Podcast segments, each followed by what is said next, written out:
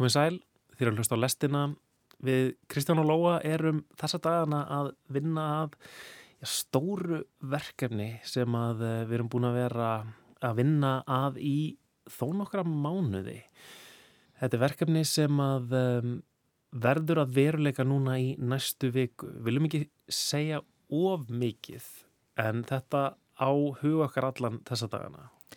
Já, og þess vegna ætlum við e, þessa vikuna að endurflytja nokkra gamla lestarþætti, svona eiginlega uppáhaldsþættin okkar, þætti sem við svona settum freka mikla vinnu í, meðan við leggjum loka hönda á þessa sériu sem við erum að vinna að núna. Þátturinn sem við ætlum að heyra í dag er frá því november í fyrra þáttur sem að um, við settum í lofti að því tilefni að um, það hefur verið að opna posthús mathöll ég held að það hefur verið tíunda mathöllin eða eitthvað enn einn mathöllin allavega og uh, við fórum í rannsóknarleðangur um þetta hugtak og uh, menninguna í kringum það þetta er lestin mathöll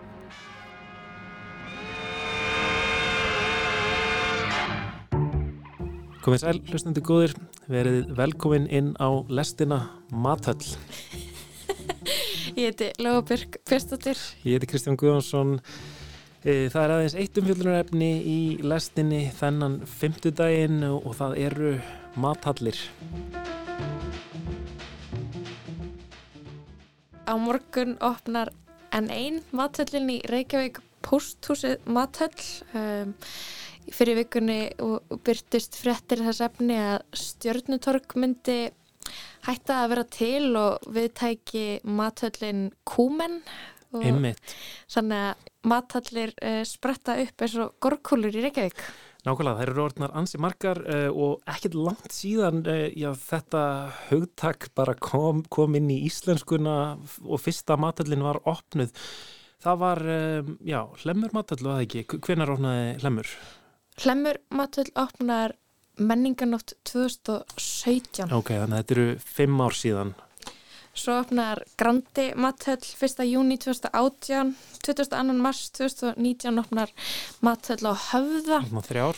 Já, uh, Borg 29 matöllin í Borgatúni opnar 20. apríl 2021. Opnar fjórar. Mjölkurbúið á Selfossi 2021 líka. Opnar fimm svona, er það hinn matöllin í hveragerði opnar svipum tíma er sex vera matöll í grósku opnar í sumar árið 2022 það er sjö matallunar já, svo er komin matöll á Hafnatorg sem að e, fólk er ekki alveg viss hvort að megi kalla matöll en við kallum að matöll, það eru opnar átta.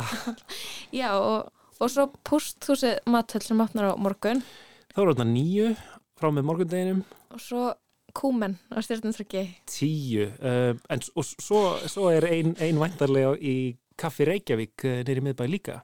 Þannig að þá verða þær 11 ef, uh, herruðu, en þú glemdir enda kringlu matöldinni, það er matöld í kringlunni. Herru, það er rétt, ég glemdi náttúrulega kringlutorki sem er matöld við hliðin á stjórnumtorki Nákvæmlega, þannig að ok uh, á fimm árum þá einhvern veginn hefur þetta fyrirbæri algjörlega tekið yfir matar uh, menningu, veitinga menningu reikvinginga og, og, og nær sveitunga. Uh, hvað er í gangi, Lóa? Hvað er í gangi? Já, ég veit það ekki. Þetta hefur grannlega verið svo sniðut að uh, fólk hætti að fá aðra hugmyndir eftir að ykkur fekk hugmynd að opna mathöll. Sko þetta er náttúrulega alþjóðlegt fyrirbæri. Um, það eru þetta um, til alls konar, já, já kannski upprunni þessar fyrirbæris eru, eru kannski margir. Það eru alls konar bændamarkaðir og, og svona staðir þar sem fólk eru auðvitað komið saman og, og, og veslað, veslað með mat.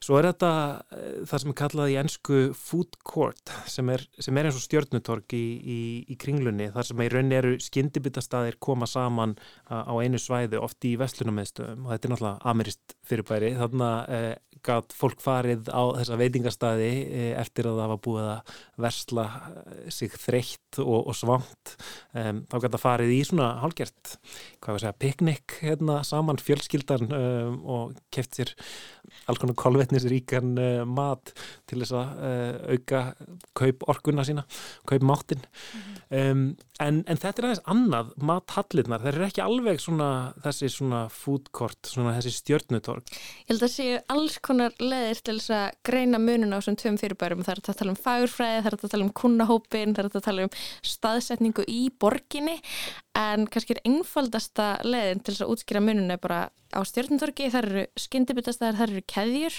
en í mathöllunum þar er að vera svona sjálfstæðari, allskonar fjölbreyttir staðir mm -hmm. og helst ekki keðjur. Já, þetta, þetta sprettur líka svolítið upp, þetta hefur bara verið að gerast á svona síðustu 10-15 árum, bara allstaðar í heiminum og tengið svolítið svona þessari aldamóti kynnslóð, millennialum og sérstaklega þá svona hipstera hlutanum af þeirri kynnslóð, þar sem einhvern veginn er mikil áhersla uh, á að, að hlutir séu sko authentic, að, að það sé eitthvað svona um, raunverulegt, satt í, í, í öllu sem að, allir í neyslu, allir í menningarneyslu en líka í matarneyslu og, og að, að það er svona áhersla á að það sé eitthvað svona beint frá bíli, það er mm, eitthvað spennandi. Já, alls það er frá eh, öllum, öllum heiminum mm -hmm. og þetta hefur oft eh, poppað upp í svona hverfum sem að eru að, á að einhvern veginn hipster að væða einhvern veginn að mm. það sem er kallað gentrifisera uh, á ennsku um, að miðstjættar væða þá eru það einhvern svæði sem eru í hálgeri niður nýslu eða fátækkverfi en það er verið að reyna að lokka að þessa hipstera, það er verið að reyna að lokka að um, skapandi fólk uh, eða fólk úr skapandi geirum og, og hérna, en fólk með pening Algjörlega. Þannig að já, þetta, svona, þetta tengist einhverju svona borgar, skipu, borgar þró, líka einhvern veginn. Mm -hmm. Og svo fyrst þú talar um aldamótakynnsluna þá líka með þetta veltaði fyrir sér hvort að þetta sé bara einhvern veginn uh, þetta er kynnslun sem ólst upp við endalust val, endalust valkosti þannig að við getum ekki sammælst um einn veitingastað til að fara út að borða saman á við þurfum að fara á veitingastað sem er með tíu veitingastöðum svo við getum öll fengið okkur nákvæmlega það sem við viljum. Meinur það, þannig að þetta er svona um, kannski fullkominn tjáning á einhvern veginn einstaklingsheggju eða svona uh, val neistlu kapitalismannum að já, við getum ekki einu svona komið okkur saman um veitingastað, við þurfum bara allir, allir þurfum að fara á sín eigin veitingastað. Já, pælti hvað þarna tíu matallir hérna á höfuborgarsvæðinu kring eru er, er rauninni erfiðar fyrir fólk með valgfiða þannig að fyrst þarfst að velja á milli mathalla og svo þarfst að velja á milli tíu staða inn í sér mathall. Þannig að allt í hennu, þetta kom í eitthvað, svona, eitthvað tíunda veldi valgkostinni sem að þú hefur. Mm -hmm. Mm. En ok, um, Við erum búin að vera að skoða þetta í dag, mathallir, uh, og þú uh, fóst bara beint í upprunnan, íslenska mhm. upprunnan þar að segja, fyrstu mathallina. Upprunnasögu mathallarinn á Íslandi. Já.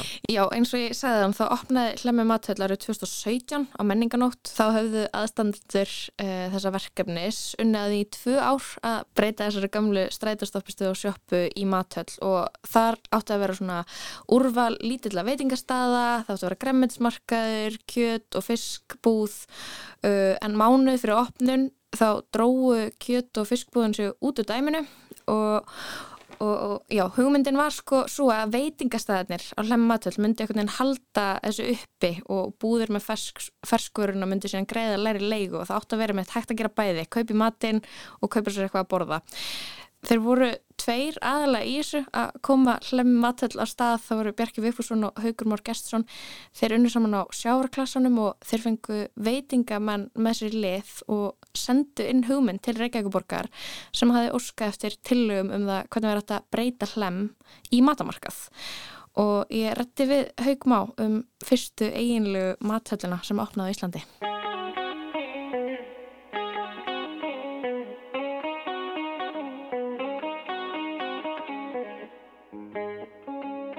og við bara, bara sóttum um sko. Og svona það var bara fyrsta skrifið bara sem þetta teimi og fórum svo bara að skoða þetta nánar. Og þá var sérstaklega Bjarki, kollegi minn, búin að vera að heimsækja matamarkaði og, og mathallir eða svona food halls uh, hér og þar. Og við fórum í einhverjar uh, heimsóknir til uh, Torvehallinni í Kaupmannahöfn til dæmis sérstaklega þar eru, manna ekki, 70 staðir. Og það er auðvitað svona uh, miklu meira matarmarkaður. Það er bæði matarmarkaður og, og veitingar og í rauninu allt, allt þar á milli sko. Þú veist, þú getur keift þar allt frá því bara einhverjum japanskum nýfum í einhver önnur eldhús áhöld græmiti, ávegsti, kjött og upp í fína vínstaði og tapastæði og Hvernig sáu þið fyrir ykkur að hlemur matöll er þið? Sko, stærsta svona áskorin var og er hvað húsið er lítið. Það er bara 500 fermyndarumlega og það, það lág alveg fyrir þetta er einhver allra minnsti matarmarkaður eða matöll sem að umgetur. En það var svo sem, það var alltaf hugmyndin að þetta erði einmitt þessi blanda af, af ráförumarkaði og, og veitingum. Og við bara í einlegni reyndum svona okkar allra besta að láta það verða. Ok, Þa, það gengur ekki upp, svo hugmynd ræðst ekki, þetta end, uh, eh, græmyndisbúðin, græmyndismarkaðurinn er ofinanna í reyndar smá tíma mm -hmm. og áður en þau flytja sig út af hlæmi um, nú eru þarna starrættir alls konar veitingastæðir getur þú sagt mér aðeins frá því hvernig þið sáu fyrir ykkur að, að láta ganga upp að ég mitt breyta þessum stað hlæmi í, í veitingastað svona það sem þetta er og hefur verið almenningsrými. Þetta er strætóstoppistöð, þetta er beintamóndi lauruglustöð, þetta er miðbænum það er alls konar í gangi að sáu þið fyrir ykkur að það myndi vera flókið? Já, já.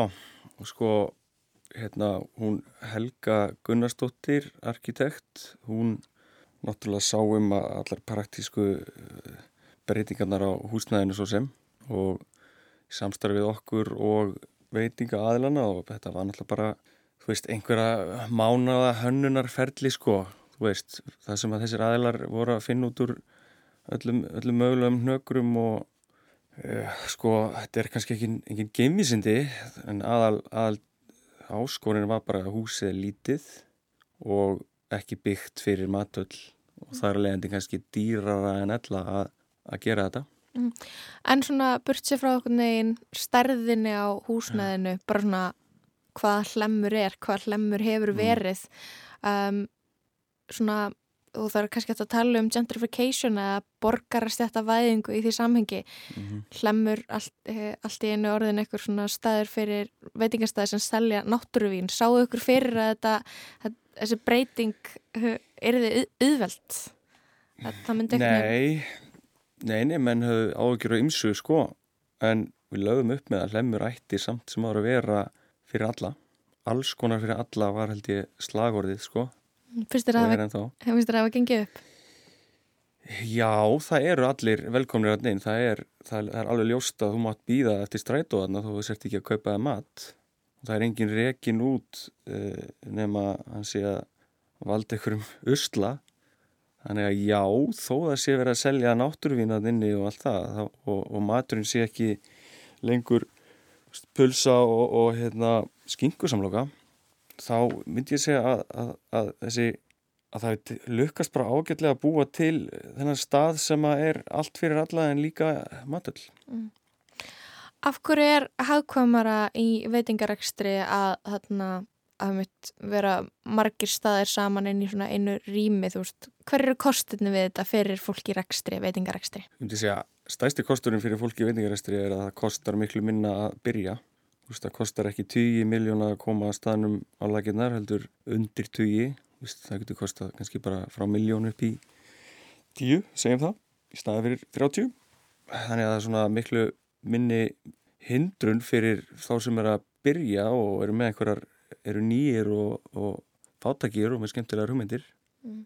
og svo svona Þannig að það er ódýrur að vera að reyka veitingastað til dæmis að hlemma heldur hann bara í ykkur öðru rými Já, það er svona, það er ódýr að koma sér að stað og það náttúrulega deilast uh, ákveðnar aðtapnir á tíu mismunandi staði, skilur mm. mm. allt frá, frá ræstingum í sumur þessum stöðum erum við samilegt uppvask og sporðsalurinn er allur sameilegur þannig að hver og einn bás kemst af með miklu færra starfsfólk en ef þú ert með fulla veitingastaf þá þarf kannski bara lámarki fimm manns bara til að opna staðin mm. En eins og fyrst er eins og að hagraðingin í rekstri skilir sér síðan til neytinda sem eru að koma að kaupa mat er, er maturinn ódýrari heldur en á, á stöðum sem er ekki í mathöll? Ég held að með við gæði sé hann það yfirleitt, já. Þú getur fengið til dæmis bara á skál á hlemmi, hálgeran misselín mat á ekki mikið meira en kostar að panta sér Dominus pítsu en ég er alveg á því að það mætti sjást meira af uh, ódýrum valkostum í öllum þessum matöllum sko. það mætti vera meira þessum, þessum eins og þetta var hugsað upprunnilega eitthvað svona street food grassrótar dæmið þar sem að hver sem er getur spreytt sig og, og selt eitthvað svona strætis götumat á þægilega verði. En af hverju ætla þetta gangi ekki upp á Íslandi að, að, að gera eins og uh, upprunnilega hugmyndin er að, að þetta sé einhvern veginn blanda af tilbúnum mat, uh, það sem er, að, sem er að grípa úr okkur um básum og svo er þetta að kaupa sér ráöfni til þess að eiga ískapnum heima, uh, eitthvað næs, eitthvað næs netur eða grænkál. Mm. Þú veist, hvað sem að gengur þetta ekki upp á Íslandi? Sko, ég held að það sé bara aðalega það að það er engin hefð fyrir því.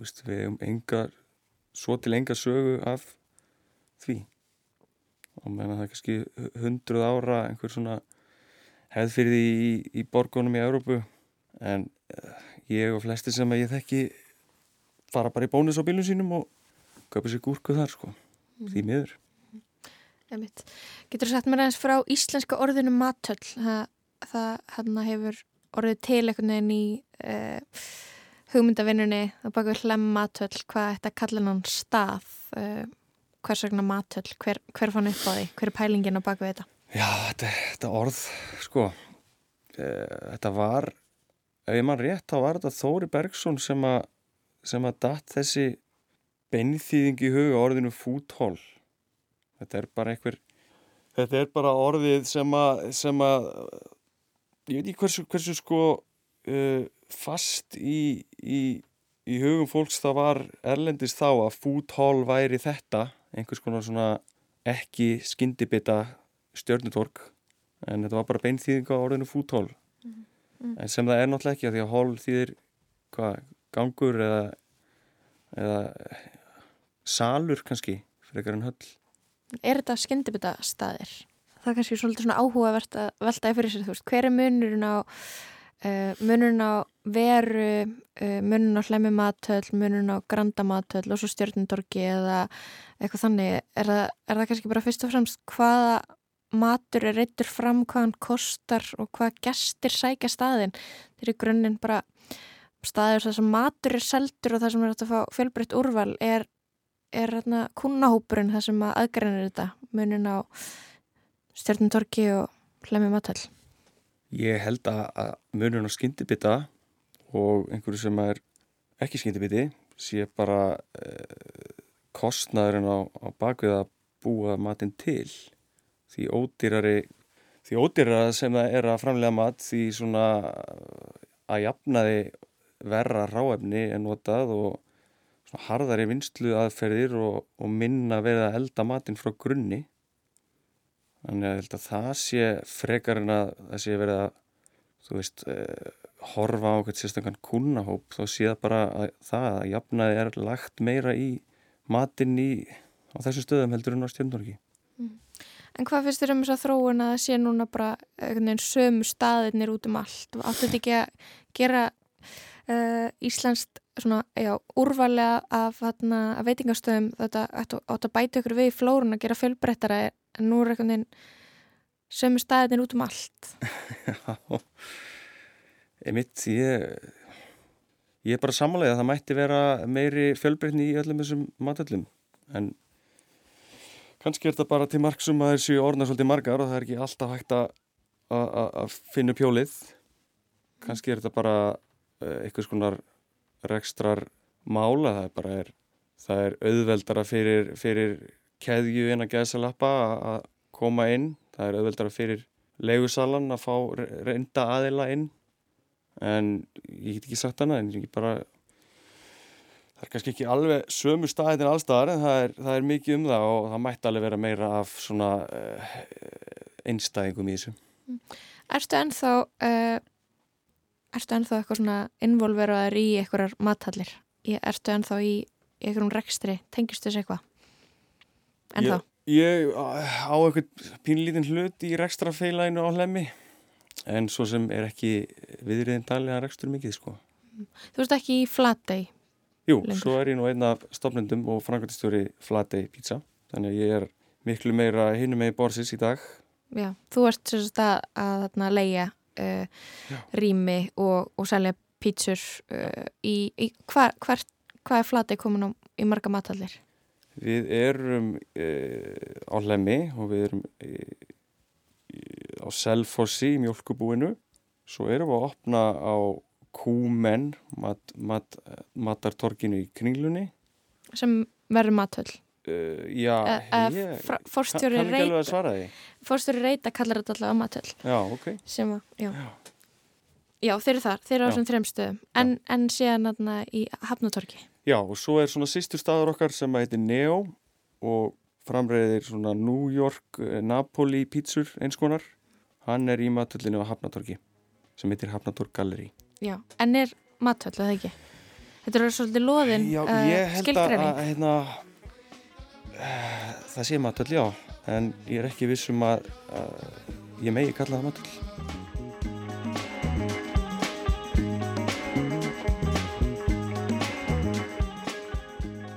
Já, Haugumór Gjertsson einn af þeim sem að stóðað fyrstu íslensku mathöllinni e, Hlem mathöll, þar sem að þaðan sem þetta orð kemur mm -hmm. um, og já, spurning hvað, hvað telst mathöllir í dag?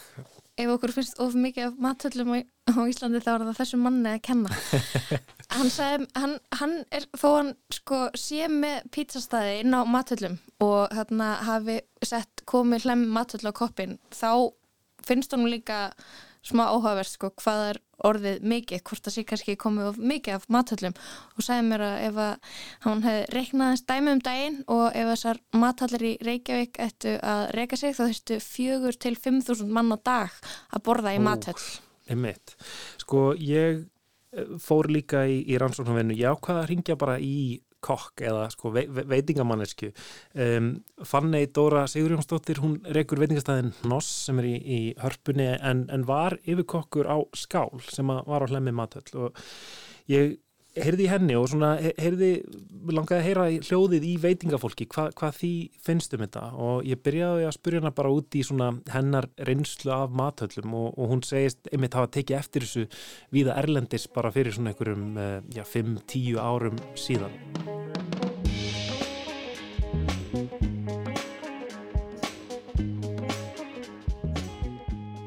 Já, akkurat, svona yfirgefnum lestastöðum, einhverjum svona gömlum versmiðum, kjötversmiðum eða kassaversmiðum, eitthvað svo les, svipa eins og var hérna í Danmörku til dæmis, þarna papírauðin, þannig að það var svona frekar hrá rými og svona litli básar þar inni, það var bara ótrúlega skemmtilegt og náttúrulega sem að gerir kannski matallir erlendis aðeins skemmtilega heldur en hér er að, að það má actually selja mat og það má elda mat og, og vera svona, þú veist, svona matamarka stemming sem að hérna að sé nú bara ólulegt að vera með hérna elda mat undir byrju lofti sko á Íslandi.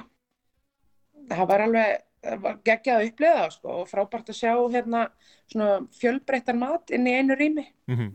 og það sem ég var líka sko svo skemmtilegt hérna sem að var kannski tók smá tíma að vennjast að hver og eitt staði var með bara mjög lítinn og afmarkaðan seðil.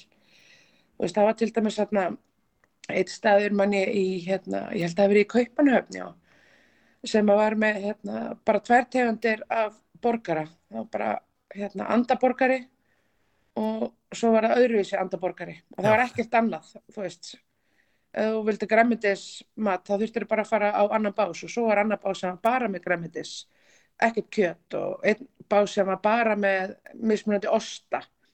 Og svona hérna, og það kannski svona breyting umbreyting sem var þegar matallir komin að hinga til Íslands. Mér veist hérna, mér veist oft eh, matselar á stöðum hérna á Íslandi svona óþarflega stórir. Það væri svo gaman að það væri bara litlir og bara kannski svona veist, þá fær maður á þennan stað til þess að fá akkurat þetta mm -hmm. eða hinn staðin til þess að fá akkurat öðruvísi, skilur það þannig að þá, þá hérna e, sérhæðis í einhverju einu og, og bara gera það ótrúlega vel einhvern veginn. Já, akkurat, mm. akkurat, í staðan fyrir kannski að reyna að, já, það er kannski að smæði nokkar sko, en að reyna að fá, veist, sem mest viðskipti og vera þá með, þú veist, börger, fisk, fraskar, bábönn og súpu. Já, mér finnst það svona skringilegt. Einmitt. Já, hvernig, hvernig finnst þér svona einhvern veginn þróun hafi verið? Sko, það er, er ekki nema bara einmitt einhver fimm ár frá því að fyrsta matullin opnar ef, ef það hérna á Íslandi og nú eru þær einhvern veginn bara komnar út um allt rosa margar. Um, hvernig, hvernig, hvernig finnst þér svona einhvern veginn þróun hafi verið? Finnst þér, þér næg fjölbreytnið til dæmis í matullunum? Mér finnst það ekki, sko. Ég, hérna, það er náttúrulega rosalega margar matallir sem hafa opnað núna, einmitt á þessum mjög stutta tíma. Ég held að það eru meira en fimm ára en það er náttúrulega oft eru sömu aðilar sem að opna í nokkru matallum. Kannski fjársterkar aðilar eða einhver svona keðja, eða veitingastæðir sem áttu kannski geta verið keðja en er orðnið það. Þannig að mér finnst vanta aðeins meiri fjölbreytni og, og fjölbreytni innan, innan matalla, sko svo ég nefndi nú oftir þessa matur sem ég fór í, þarna í Bræton sem er nýja opnu, ég held að hann opnaði fyrra. Ég fór þangað í vor og það var til dæmis eitt rými sem var bara svona tilræna rými það var bara leikt út til tveggja, þryggja mánu í senn um, bara það, hver sem er bara sótum og, og komið og kannski prófað einhverja nýja hugmynd eða er ég var þá var einhver hérna mjög þekktur kokkur sem að er á, já, á fine dining veitingastæðin, hann var að gera hambúrgara, bara svona einhverja smassborgara. Og, hérna, og þóttu vera bara mjög góðir. Það var til dæmis mjög skemmtilegt að sjá það í einni mathullinni hér að væri þetta hérna, bæði hérna, fólk sem að vil kannski prófa sér áfram með einhverja rétti, einhverju kokkar sem eru með eitthvað konsept en, en vilja kannski ekki treysta sér ekki að fara alla leið með það og hérna kannski prófa að sjá viðtökunar og einmitt, veist, í, í fjölbreyttara samfélagi þá er náttúrulega líka æðislegt að fá svona einhver pop-up af mat allstæðar á heiminum sko. mm, og til þannig aðstæðar sko. það var alveg, var ótrúlega snöðut Þetta var Fanny Dóra Sigurjónsdóttir um, eigandi Hnoss í hörpunni. Hún talaði um að um, já, henni þætti kannski ekki vera nægilega mikill fjölbreytilegi miða við hvað matallunar eru margar. Það er svona sami fílingur í þeim öllum. Það eru ég með svipa dýra veitingastaði, eh, oft sömu staðirnir um, en, en þessi staðir eru líka eitthvað neginn allir að reyna að gera mjög mikið, sá, veist, þeir eru með marga, mikið á matselinum, ekki bara eitthvað svona einfalt fyrirbæri, eh, ein, einfaldan matsel, einn hambúrgara eins og hún nefndi, um, en hún talaði líka um hvað staðirnir sko væri í rauninni dýrir kannski meða við um, venjulega veitingastæði þar sem þú færð þjónustu og hérna færð mannesku sem er að e, hérna servera til bors og, og gefa vasklas og taka til eftir þig og allt þetta en, en maður sér myndi allt sjálfur á matallunum en samt fer það ekki einhvern veginn af verðinu um. mm -hmm. bara sveipa og Ég talaði um við Haugum á Gestsson hérna fyrir í þættinum og hann var sammála því að þessi, þessi hagraðingi rekstrinum mætti sjást betur í verðinu mm -hmm. uh, sem að neytendum er búið upp á sko. Þannig að maturinn er ekki ódýr þó að þetta eigi að vera ódýrara rekstrasfyrirkomulag. Nákvæmlega. Já, en þetta er það sem veitingamannskja hefur að segja um þessa þróun. Ég skellti mér yfir í kringluna á uh, stað sem að mörgum þykir svolítið vengtum stjórntork sem að mun bráðum hætta að vera til. Og uh, Kúmen Mattel tekur við. Það var tilkynnt um þessa breytingum daginn, það er framkvæmdur og hafnar þetta að opna bakvið til kaffi, stjórnutork það rými verður að eitthvað öðru, eitthvað svona eitthvað, eitthvað afturrengarsvæði þannig ég röldi yfir í kringluna og tók púlsin á fólkinu á stjórnutorki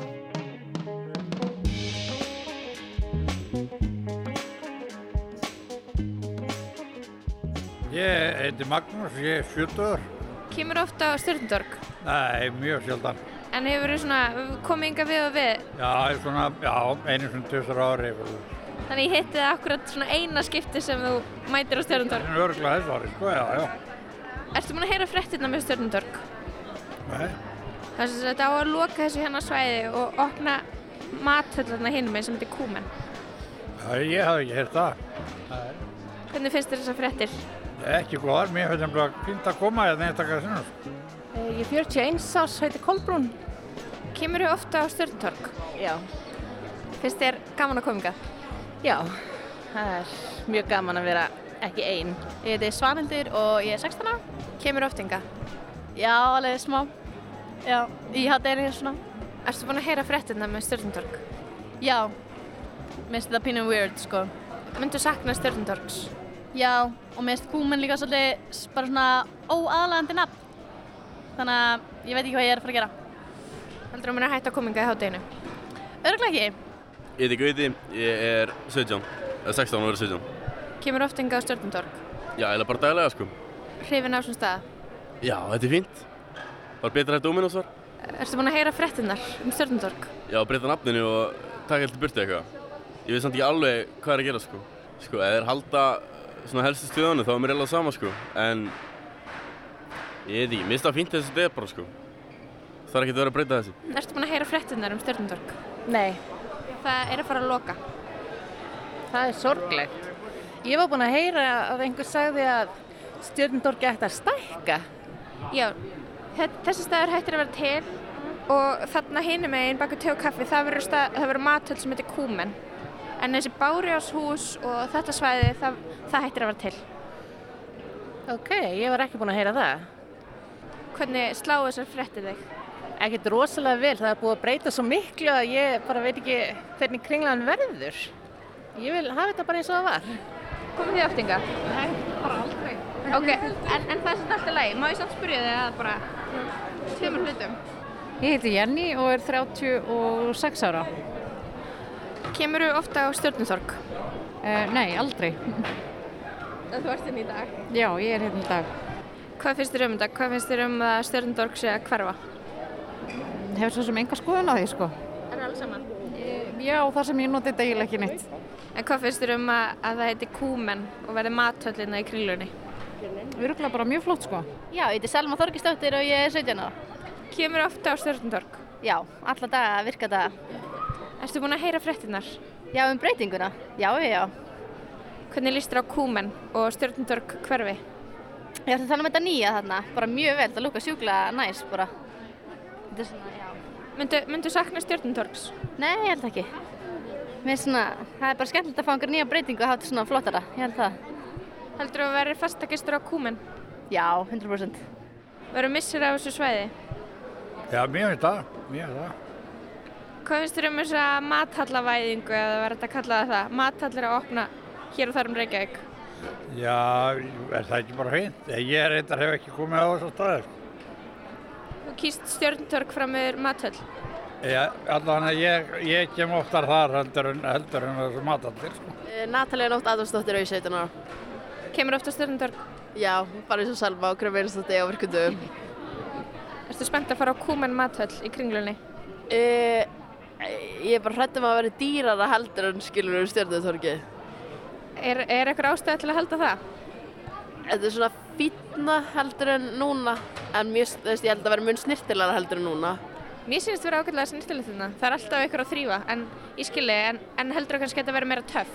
Já, 100% þetta verður 100% svona flottara, eða svona fínni stemming. En myndi ekki sakna Bárjórns húsina einna? Eru þau ekki bara svolítið sæn? Nei, ég held ég mun nú ekki sakna þeirra. Hvað finnst þér um þessa mathallavæðingu, mathallir að opna út um allt?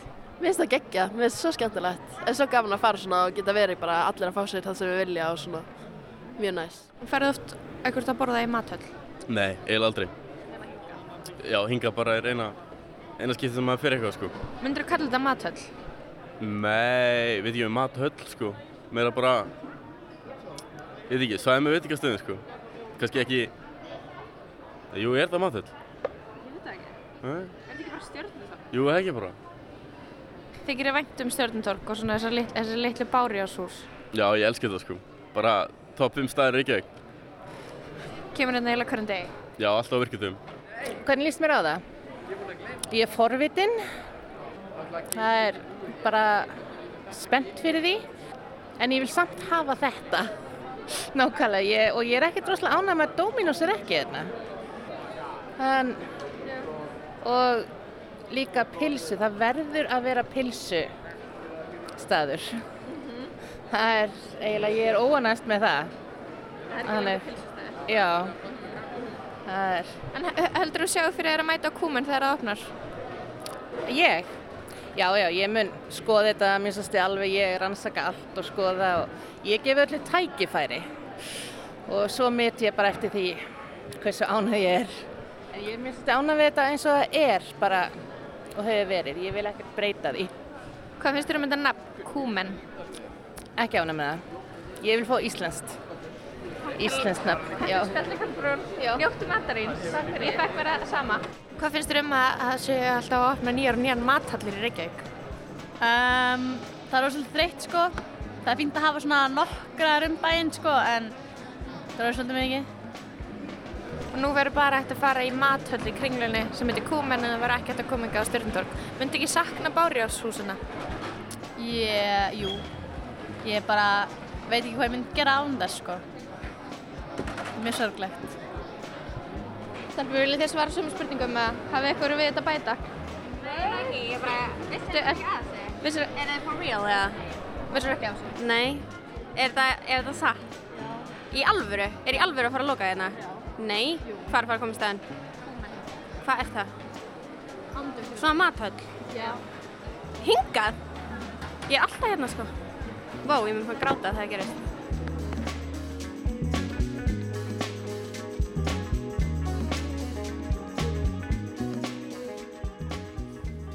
Já, það eru sterkar tilfinningar hjá fólki til uh, stjörnutorgs. Mhm. uh, já, Og svona, semur höfðu svona skiljanlegar því að þetta myndi kannski þýða að nú væri bara hægt að kaupa ykkur dýranmat í kringlunni. já, En mikið af stöðunum á Stjörntorgi munu flytjast yfir á, yfir á Kúmen, Mhm. mathöll.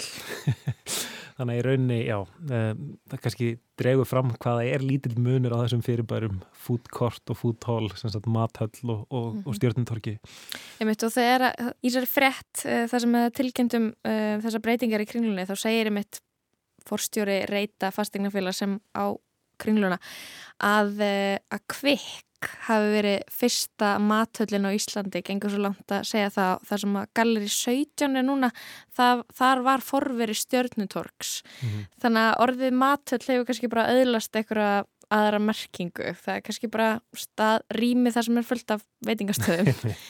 Það er ekki endilega, já. Já, en mér finnst mjög einmitt aðteglisvært um, fólki sem þú rætti við á stjörnutorki það greinlega sumir höfðu einhvern veginn áhyggjur að því að, að þegar torki myndi breytast þá er það kannski ekki rými fyrir þau lengur? Og, og þetta er eitthvað sem að mér finnst vera sko gegnum gangandi í umræðum um þessar mathallir, uh, hvort sem það er erlendis eða hérna.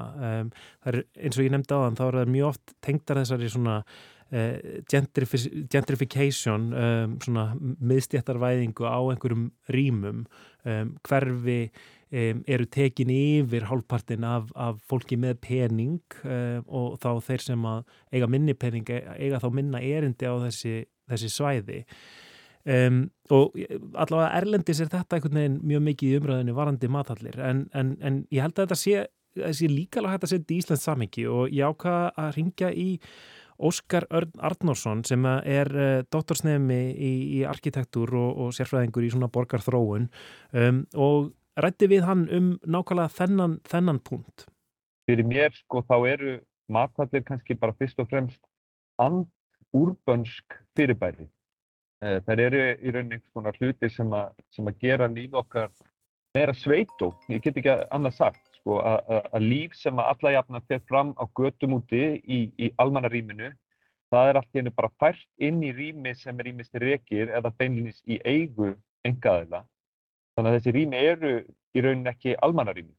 Og mér er alltaf fundist eins og sko að hver veitingastæði sem að fer inn í matöll er þá veitingastæði sem að hefði í raun geta verið út á götu og þannig fyllt götuna lífi.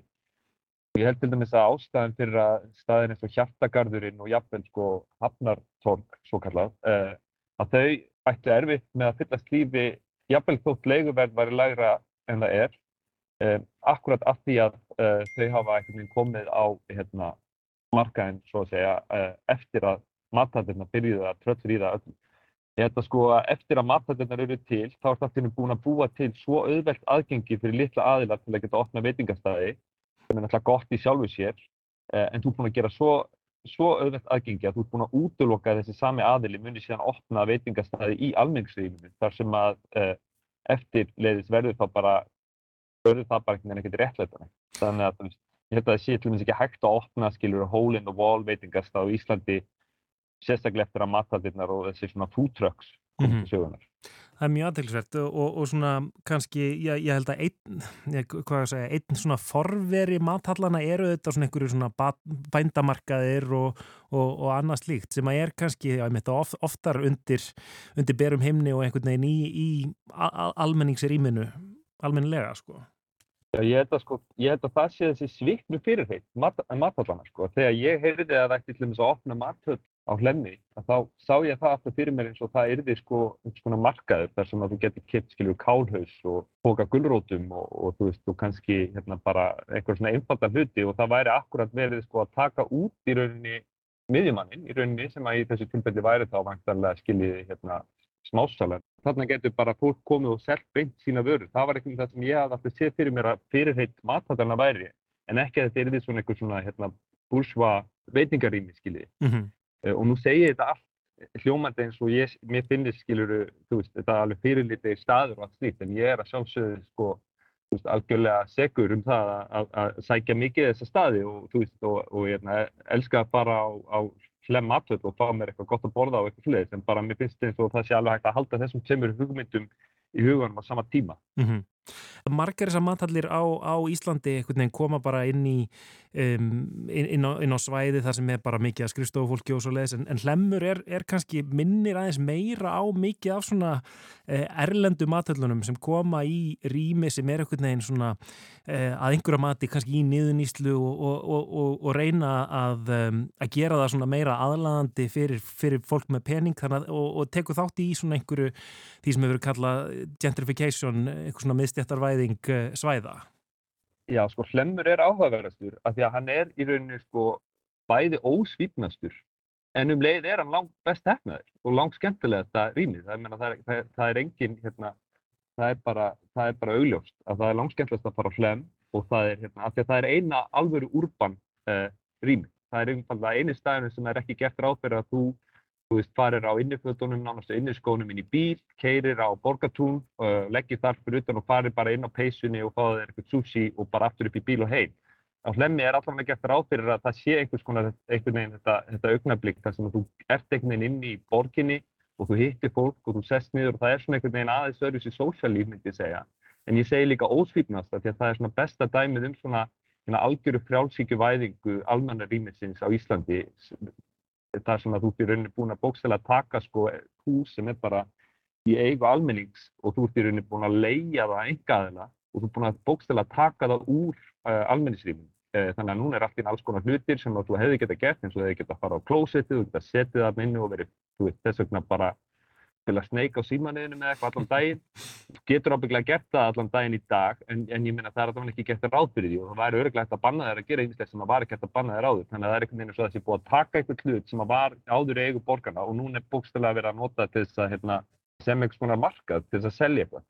Óskar Örn Arnórsson, arkitekt, um, já, áhyggjufullur um svona um, almenningsrýmin og, og, og hvar borgarar geta einhvern veginn verið frjálsir eins og hann tók dæmi að bara spila Snake allan daginn í símanum sínum mm -hmm, setja og hann, já, hann, hann, hann hvað er til þess að það yrðu sem sagt svona, já, almennings um, Uh, já, hlutir fyrir almenning í þessum rýmum bara aðgangur að salerni og, og öðru slíku þannig að já, hver sem er gæti einhvern veginn verið þarna því að þetta væri í grunninn ætti að vera almenningsrými eins og hlemur til dæmis. Mm, en hann var líka að tala um þess að markaði bændamarkaði, hann einhvern veginn uh, það var það sem hún finnst vera einhvern veginn lovorð uh, matallana að, að einhvern veginn geta verið svona millilega millilega laus vettfangur við til dæmis bændur og að maður geti kift hluti beint frá bíli Þetta er eitthvað sem við erum búin að vera að pæla mitt svolítið í, í Mm. tengslu við matallunar. Einmitt, já, þeir, atna, þeir lögðu upp með á hlemmi matvöld að, að þetta erði staður þar sem hún gætir uh, keift ferska matvöru. Þetta var kjöt og fiskbúð, það gekk ekki upp. Ég spurði Haugmá af hverju hann held að það hefði ekki gengið og hans tilgáta var bara það er rúglega vegna þess að það er enginn hefð fyrir því á Íslandi. Mm, okay. uh, ég ákvað að ringja í Professor í Sackfræði, Guðmund Jónsson, hann er afar fróður um matarsögu, matarsögu Íslendinga og ég bar þessa tilgáttu undir hann.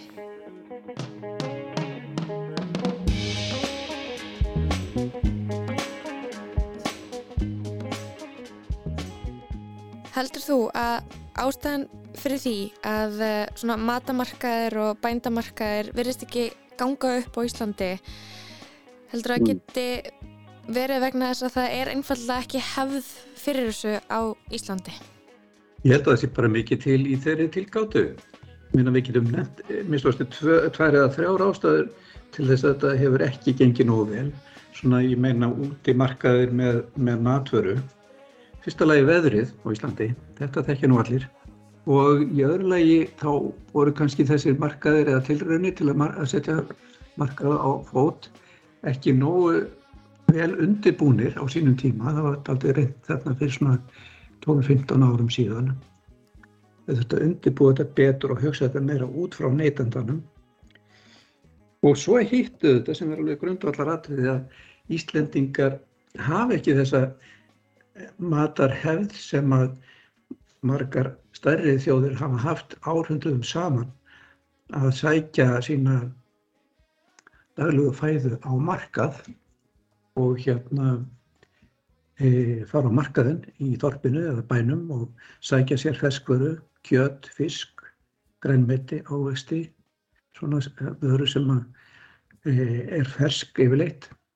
Því að hér voru náttúrulega ekki tilnægt þjættbíli fram á 20. öldina og það var nú eitthvað um það á, í Reykjavík á fyrirluta 20. aldar að, að menn voru að selja matvöru á göttum úti, bæði grænmeti og fisk en það gekk nú ekki nógu vel svona til lengdar og meðal annars var það að, að hérna, það voru setta skorður við svona e, úti sölu á mat beint frá framleiðendum. Ég held að þessi sögulegi, eða skortur á sögulegri hefði þessu sé stórskýring. Og hvar voru þá Íslendingar að kaupa sér mat? Og þeir voru náttúrulega aðalega að framleiða sjálfur sinn mat. Ég meina, Íslendingar voru annarkort bændur eða sjómenn, svona 98-9%. En svo þegar þéttbílum myndast, þá, þá fara við bara að sækja í vestlanir, í, í svona eh, kaupmannavestlanir fyrst og fremst. Og eh, þannig er þetta lengstum og núna auðvitað á setni áratug þá hefur, hefur, já ég myndi segja, frekar óaskileg þróun átt sér stað að að matvöruinnkaup er að það þjappast í þessar gríðarlega stóru matvöruverslanir og fólk þarf að fara langan veg oft til þess að fara í verslunna, það er ekki hægt að ganga í hana, það er alveg það langt að fara fyrir fólk. En þannig að mér finnst margt kalla á að við hugsum þessi máli upp aftur og reynum að, að koma, gera aftur tilraunir til að koma á matarmörkunum sem að tengja neytendan beint við framleiðandan og borða svona mat sem er framleitur í nágruninu. Veitingastæðir á Íslandi, hvenar fara Íslandingar að borða á veitingastöðum? Já, það er nú, það er nú frekar stöðu tími það ekki. Það var mjög sjálfgægt að menn færi út að borða e, svona allur almenningur fyrir eftir bara svona, ég myndi segja 1970-80. Það voru náttúrulega ástáttíðir og svona þegar, þegar mikið lág við e, og, og, og, og hérna fyrirtæki og stofnarnir tóku sér til og böðu starfsmennum en svona fólk, að fólk færi út á eigin vegum það var mjög fátítt eiginlega fram, að, fram á sýnd á, á 20. stöldina en svona síðustu 20, síðustu svona 30-40 árin þá hefur auðvitað algjör sprenging. Mm. Skerum við okkur úr í Evrópu í, í þessu samhengi sem svona hvaða er stutt síðan að við fórum að borða á veitingastöðum? Ég held það. Ég held það. Þessar gamlu menningarþjóðir út í heimi þær eiga svo langa sögu að það er alveg ótrúlegt. Kínverður eiga þekkja söguleg dæmi um matsölustöði þúsund ára aftur í tíman að minnstakosti. E, það er ekkert slíkt, slíkt á Íslandi sko. Þannig að þetta er allt, allt öðru vísi hjá Íslandingum. Sko fyrstu matvöru vestlundunar á Íslandi með íslenskan mat kom ekki fyrir um og eftir aldamóti 1900. Fyrir þann tíma voru engar vestlanir með mat, hvað þá veitingastæðir. Það var sko náttúrulega einstakur matsölu staðir hér í Reykjavík en það voru nú aðalega fyrir svona utanbæjarmenn og, og túrista og þess aftar fólk. Þannig að Ísland er auðvitað langt á eftir flestum þjóðum hérna í kringum okkur e, varðandi þessa svona ef að segja nútímalegu matarmenningu sem tengist þéttbíli, aukinu velmögu náttúrulega og fjölbreytni í, í, í matargerð.